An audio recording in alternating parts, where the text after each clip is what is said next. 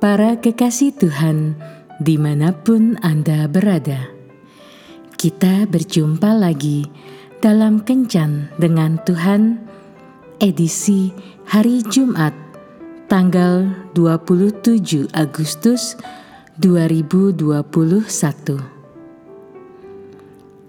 Dalam Kencan kita kali ini, kita akan merenungkan ayat dari Kitab Yoel bab 3 ayat 10. Tempalah mata bajakmu menjadi pedang dan pisau-pisau pemangkasmu menjadi tombak. Baiklah orang yang tidak berdaya berkata, "Aku ini pahlawan." George Friedrich Handel adalah seorang komponis yang berhasil menciptakan lagu Haleluya atau lebih tepatnya opera The Messiah. Lagu ini adalah masterpiece Handel. Seorang penulis biografi Handel mengatakan bahwa karya tersebut akan tetap menjadi karya terbesar dalam sejarah penggubahan lagu atau musik, bahkan mungkin untuk selamanya. Handel sebenarnya sudah mulai terkenal sejak usia 8 tahun.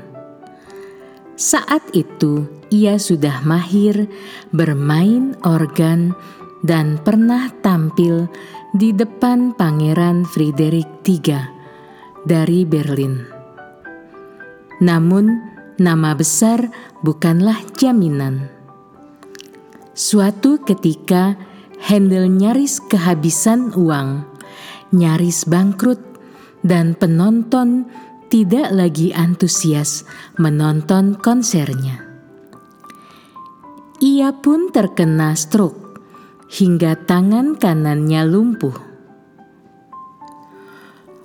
Walaupun akhirnya sembuh, namun Handel memutuskan untuk pensiun dari dunia musik yang telah membesarkan namanya. Empat bulan setelah konser perpisahannya, seorang bernama Charles Jennings memberikan sebuah buku berdasarkan kehidupan Yesus kepada Handel. Tak disangka, buku itu mengubah hidup Handel. Ia pun menulis karya-karyanya lagi. Kreativitasnya kini mengalir terus-menerus selama 21 hari tanpa henti.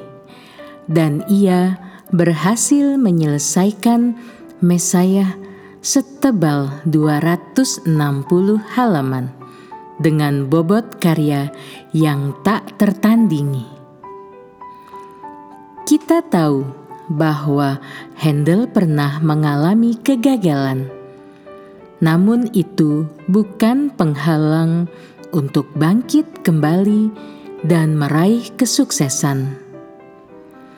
Hal ini seperti yang dikatakan oleh Nabi Yoel, yaitu tempalah mata bajakmu menjadi pedang dan pisau-pisau pemangkasmu menjadi tombak. Baiklah, orang yang tidak berdaya berkata, "Aku ini pahlawan." Gagal bukanlah aib, namun yang paling penting adalah bagaimana kita bisa bangkit lagi, berani memulai lagi, dan siap menanggung risiko. Bukan mustahil saat ada dalam kegagalan, lalu kita bangkit kembali, maka kebangkitan kita ini akan menghasilkan karya masterpiece. Bagaimanapun, terpuruk tidaklah buruk, berani bangkit akan melejit.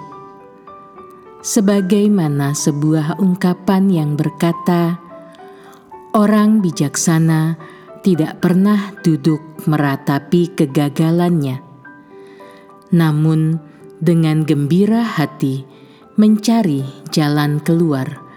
Bagaimana memulihkan kembali kerugian yang dideritanya? Tuhan Yesus memberkati. Marilah berdoa. Tuhan Yesus, jangan biarkan kegagalan yang aku alami saat ini mematahkan semangatku untuk kembali berusaha. Aku percaya saat aku memulai lagi bersamamu maka aku akan mendapatkan hasil yang terbaik dari yang sebelumnya. Amin.